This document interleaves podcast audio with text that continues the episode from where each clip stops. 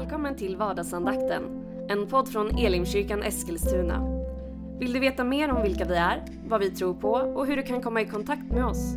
Gå då in på www.elimkyrkan.com. Nu lyssnar vi till dagens andakt. Då är du välkommen till vardagsandakten. Jag heter Joel Backman, jag är pastor i Elimkyrkan i Eskilstuna. Vi vill bjuda in dig till en fantastisk helg här den 27-29 oktober då vi har vår höstglödskonferens. En konferens som är ekumenisk och som samlar många kyrkor både i och runt omkring Eskilstuna. Vi har fantastiska talare som vi kommer att börja släppa namnen på alldeles, alldeles strax. Men för nu räcker det att du vet att den helgen blir otrolig, så boka in den. Idag vill jag ge dig lite praktiska råd och tips kan man säga. Har du någon gång känt så att du längtar efter att Gud ska verka i ditt liv? Jag tror att det är en ganska retorisk fråga på något sätt. Jag tror att typ alla svarar ja på det. Det är klart att om Gud finns och han är på riktigt, då vill vi också att han ska verka i våra liv. Vi vill att han ska agera, att det ska synas, märkas. Att han ska påverka våra liv.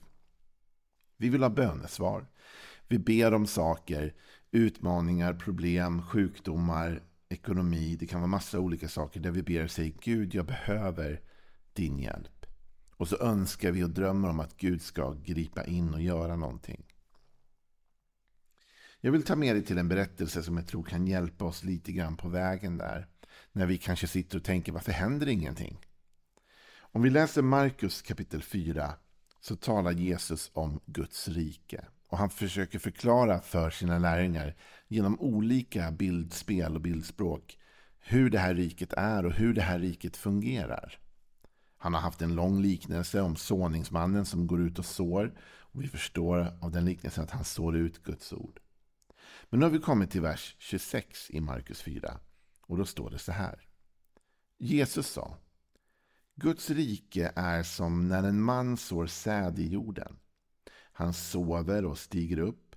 Natt blir dag och säden växer och skjuter i höjden. Han vet inte hur. Av sig själv ger jorden gröda. Först strå, sedan ax och sedan moget vete i axet.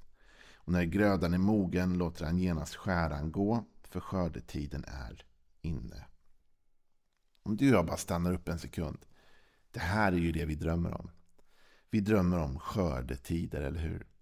Vi drömmer om tider då saker växer upp i vårt liv. Till och med skjuter i höjden, står det här. Det är det vi drömmer om. Resultat. Vi drömmer om, om att se utveckling. kan vara på jobbet. Vi drömmer om positiva resultat vad det gäller vårt, våra barn och andra saker. Att det går bra för dem, att de lyckas. Och vårt eget liv och alla möjliga saker. Vi drömmer om såklart skörd. Att det ska vara något positivt som kommer ur vårt liv och det får gärna ha skjutit i höjden innan vi skördar det. Och när man läser den här texten så kan man ju på ett sätt uppleva att det sker av sig självt. Han sover och stiger upp, dag blir natt, säden växer och skjuter höjden. Han vet inte ens hur, står det i den här texten, eller hur? Av sig själv ger jorden gröda. Det är klart, då kan vi bli frustrerade och så kan vi tänka, men jag tycker inte att det händer någonting i mitt liv. Jag tycker inte att jag ser några resultat alls. Så hur kan Jesus säga här att Guds rike, det är bara per automatik? Men Jesus säger inte att Guds rike bara är per automatik. Han säger att det finns ett samarbete mellan Gud och människa. Han säger att för att någonting ska växa i ditt liv och ge en oerhörd skörd så behöver du samarbeta med Gud. Och det finns delar av det här samarbetet där du är passiv. Men det finns också delar av det här samarbetet där du inte är passiv. Först och främst så talar Jesus här att Guds rike fungerar så här när någonting blir sått i jorden. Jesus sa Guds rike är som när en man sår säd i jorden. Det här sker innan han går och lägger sig och sover och stiger upp och natt blir till dag och så vidare. Innan han har gjort det så har han arbetat. Han har planterat någonting i marken. Och Det här samarbetet tror jag är så med Gud ofta. Att när du och jag vi ber till Gud om att något ska hända i vårt liv så ger han ofta oss en möjlighet att så. I ett bibelord i eh, Korinthierbrevet så står det så här att Gud ger säd att så. Alltså Gud ger oss frön att plantera i marken. Och då är det upp till dig och mig att också göra det. Gud har gett dig och mig olika talanger, olika gåvor, olika förmågor. Och om du upplever att du har ingenting sånt just nu, be till Gud att han ger säd till dig. För han har lovat att ge säd till den som ska så. Men när du och jag får det, då har vi ett jobb att göra. Du vet, jag bor på landet, så jag har en ganska stor trädgård. Och eh, där kan det ju växa saker. Men det växer inte av sig självt. Eller ibland gör det det och ibland gör det inte det. Med andra ord, om jag planterar någonting ute i min trädgård så kan det vara så att om det regnar och vädret är bra och allt detta är fördelaktigt så kan det börja växa upp och jag kanske inte ens behöver göra så mycket för att det ska växa. Jag kanske plockar lite ogräs och annat. Men det växer typ av sig självt. Men innan det växer av sig självt så har jag varit tvungen att plantera i jorden. Det hjälper mig ingenting om jag åker ner till en affär här i Eskilstuna, köper en påse frön, åker hem och tänker nu kommer det skörd. För det kommer ingen skörd om jag inte tar de fröna och planterar i marken. Och innan jag kan göra det så måste jag ibland till och med ha förberett marken. Och så får jag plantera ner fröna, vattna, se till att det är så. Sen påbörjas en process som jag inte har någonting med att göra. Där jorden börjar arbeta med det här fröet för att producera skörd. Och det finns en sån tid i ditt och mitt liv. Där Gud verkar bakom kulisserna, absolut. Guds rike är sådant att det växer till jämt. Av sig självt. Men det måste ändå planteras någonstans. Och du och jag har alltid någon liten del i det Gud vill göra i vårt liv. Och när du och jag förstår det, då kan vi bli uppmärksamma på det och säga Gud, jag behöver att något händer i min familj. Jag behöver att något händer i min ekonomi. Jag behöver att något händer med mitt mående. Jag behöver att någonting händer på olika områden. Visa mig vad jag kan göra. Gud, ge mig något frö att plantera. Vad det nu är, ge mig någonting. Och sen kan du göra resten, Gud. Om du hjälper mig och visar mig vad det är. Ibland kan det vara så att det finns en relation. Man kanske till och med tänker den här relationen är helt förbrukad. Det kommer aldrig gå att upprätta den här relationen. Men så kanske du upplever att du ber till Gud och säger men jag vill verkligen rätta till detta. Så kanske Gud säger men gå och prata med den personen. Och du tänker det är omöjligt. Jag vet att den personen kommer att bara vända mig ryggen direkt. Men du går ändå på Guds ledning dit. Och så kanske du får ett helt annat bemötande än du hade trott. Du vet, Ibland måste du och jag ta det första trosteget. Och när jag säger ibland så menar jag typ nästan hela tiden. Det tycks som att du och jag förväntas leva ett liv i tro. Bibeln säger att den rättfärdige ska leva av tro. Och att leva av tro innebär att man tar det första steget ofta. Man kan lyssna till Gud, få instruktioner av Gud och sen sätter man ut i någon viss riktning. Det här var vad Isak gjorde. Isak kan man läsa om i första Mosebokens 26 kapitel. Hur han var i ett land där det blev hungersnöd. Och det växte ingenting i det där landet. Och han behövde verkligen att Gud gjorde ett mirakel. Men han var själv så att han tänkte att nej, det är nog bättre att jag bara lämnar det här landet. Men då talade Gud till Isak och så sa han Isak, du ska inte lämna det här landet. Utan plantera istället de frön du har här. Så Isak stannar. Och det står att han planterar sina frön där. Och Det är en riktig troshandling. Därför att om det är hungersnöd på den tiden, på Bibelns tid där i första Mosebok 26, då innebar det att marken producerade ingenting. Därför det var ju ett jordbrukssamhälle och hungersnöden berodde ju då på att det växte ingenting. Men han planterar där på Guds ledning och då sker miraklet. Utan att han vet hur. Utan att han förstår hur det ens går till så står det att Isak skördade det året hundrafalt igen. Han fick en jätteskörd. Det är det som händer Petrus och lärjungarna när de är ute och fiskar. Och de är fiskare till yrket, så de vet hur man gör. Och De har varit ute hela natten och de har inte fått någon fisk överhuvudtaget. Men Jesus kommer till Simon och säger kasta ut nätet en gång till.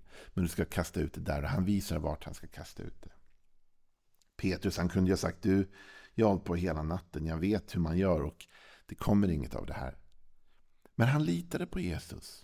Det var inte så att, att fisken bara hoppade upp i båten av sig självt. Petrus var tvungen att ta det där trosteget, gå ut och lägga in nätet en gång till med risk för att se ut som en idiot. Med risk för att alla andra fiskarna skulle tänka du, du har varit ute hela natten, du vet ju att det inte finns någon fisk, varför gör du det här? Men Petrus säger, på ditt ord ska jag göra det. Och han går ut, han lägger i och så sker miraklet.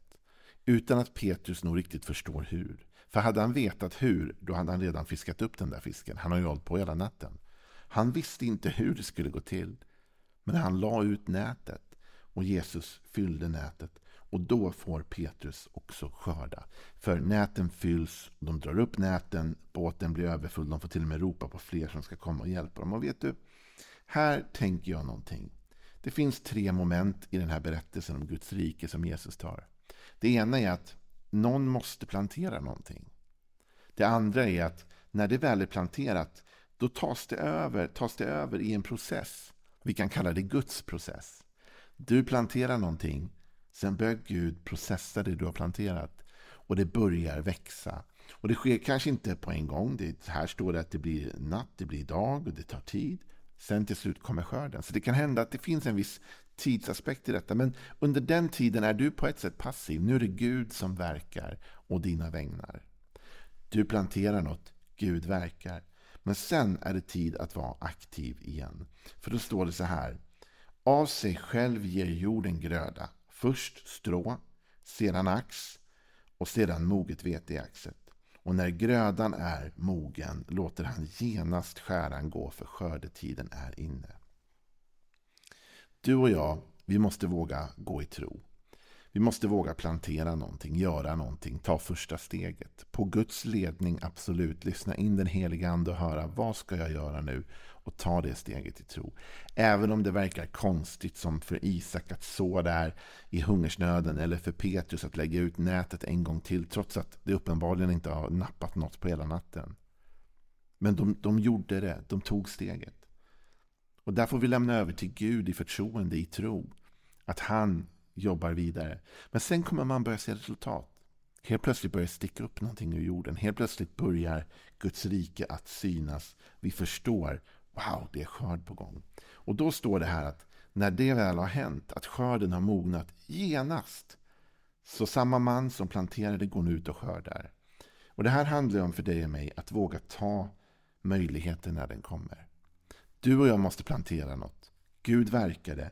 Men när du ser möjligheten öppna sig, när du ser att Gud har gjort det han ska, då är det dags för dig och mig att kliva in igen.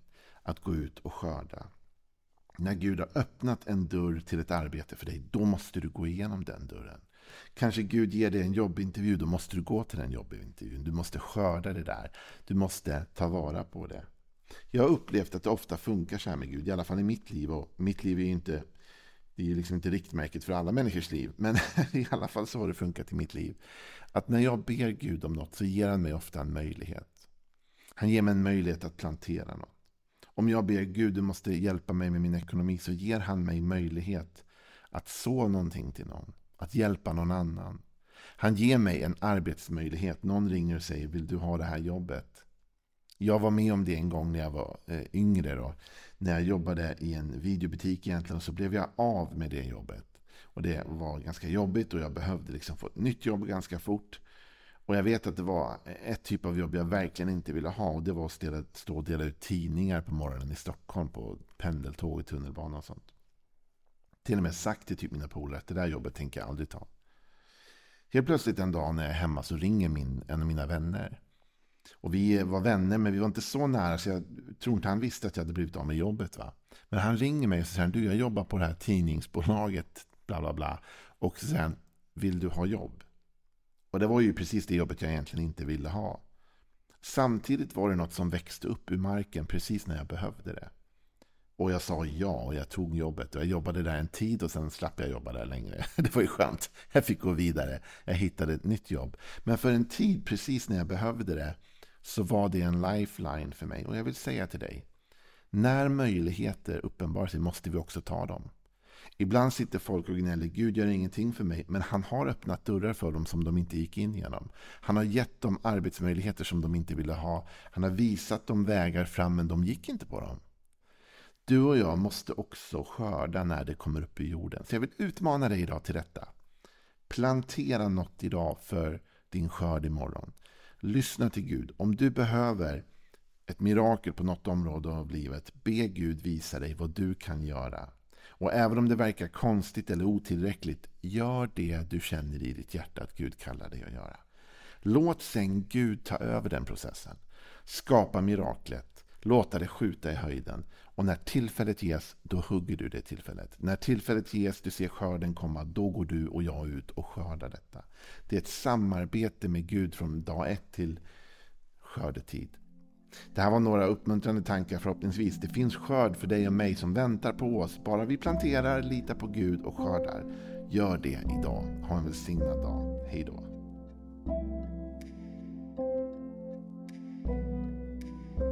Du har nu lyssnat till vardagsandakten från Elimkyrkan Eskilstuna. Du har väl inte missat att vi finns på sociala medier? Eller att vi varje söndag firar gudstjänst? Hoppas att vi ses där.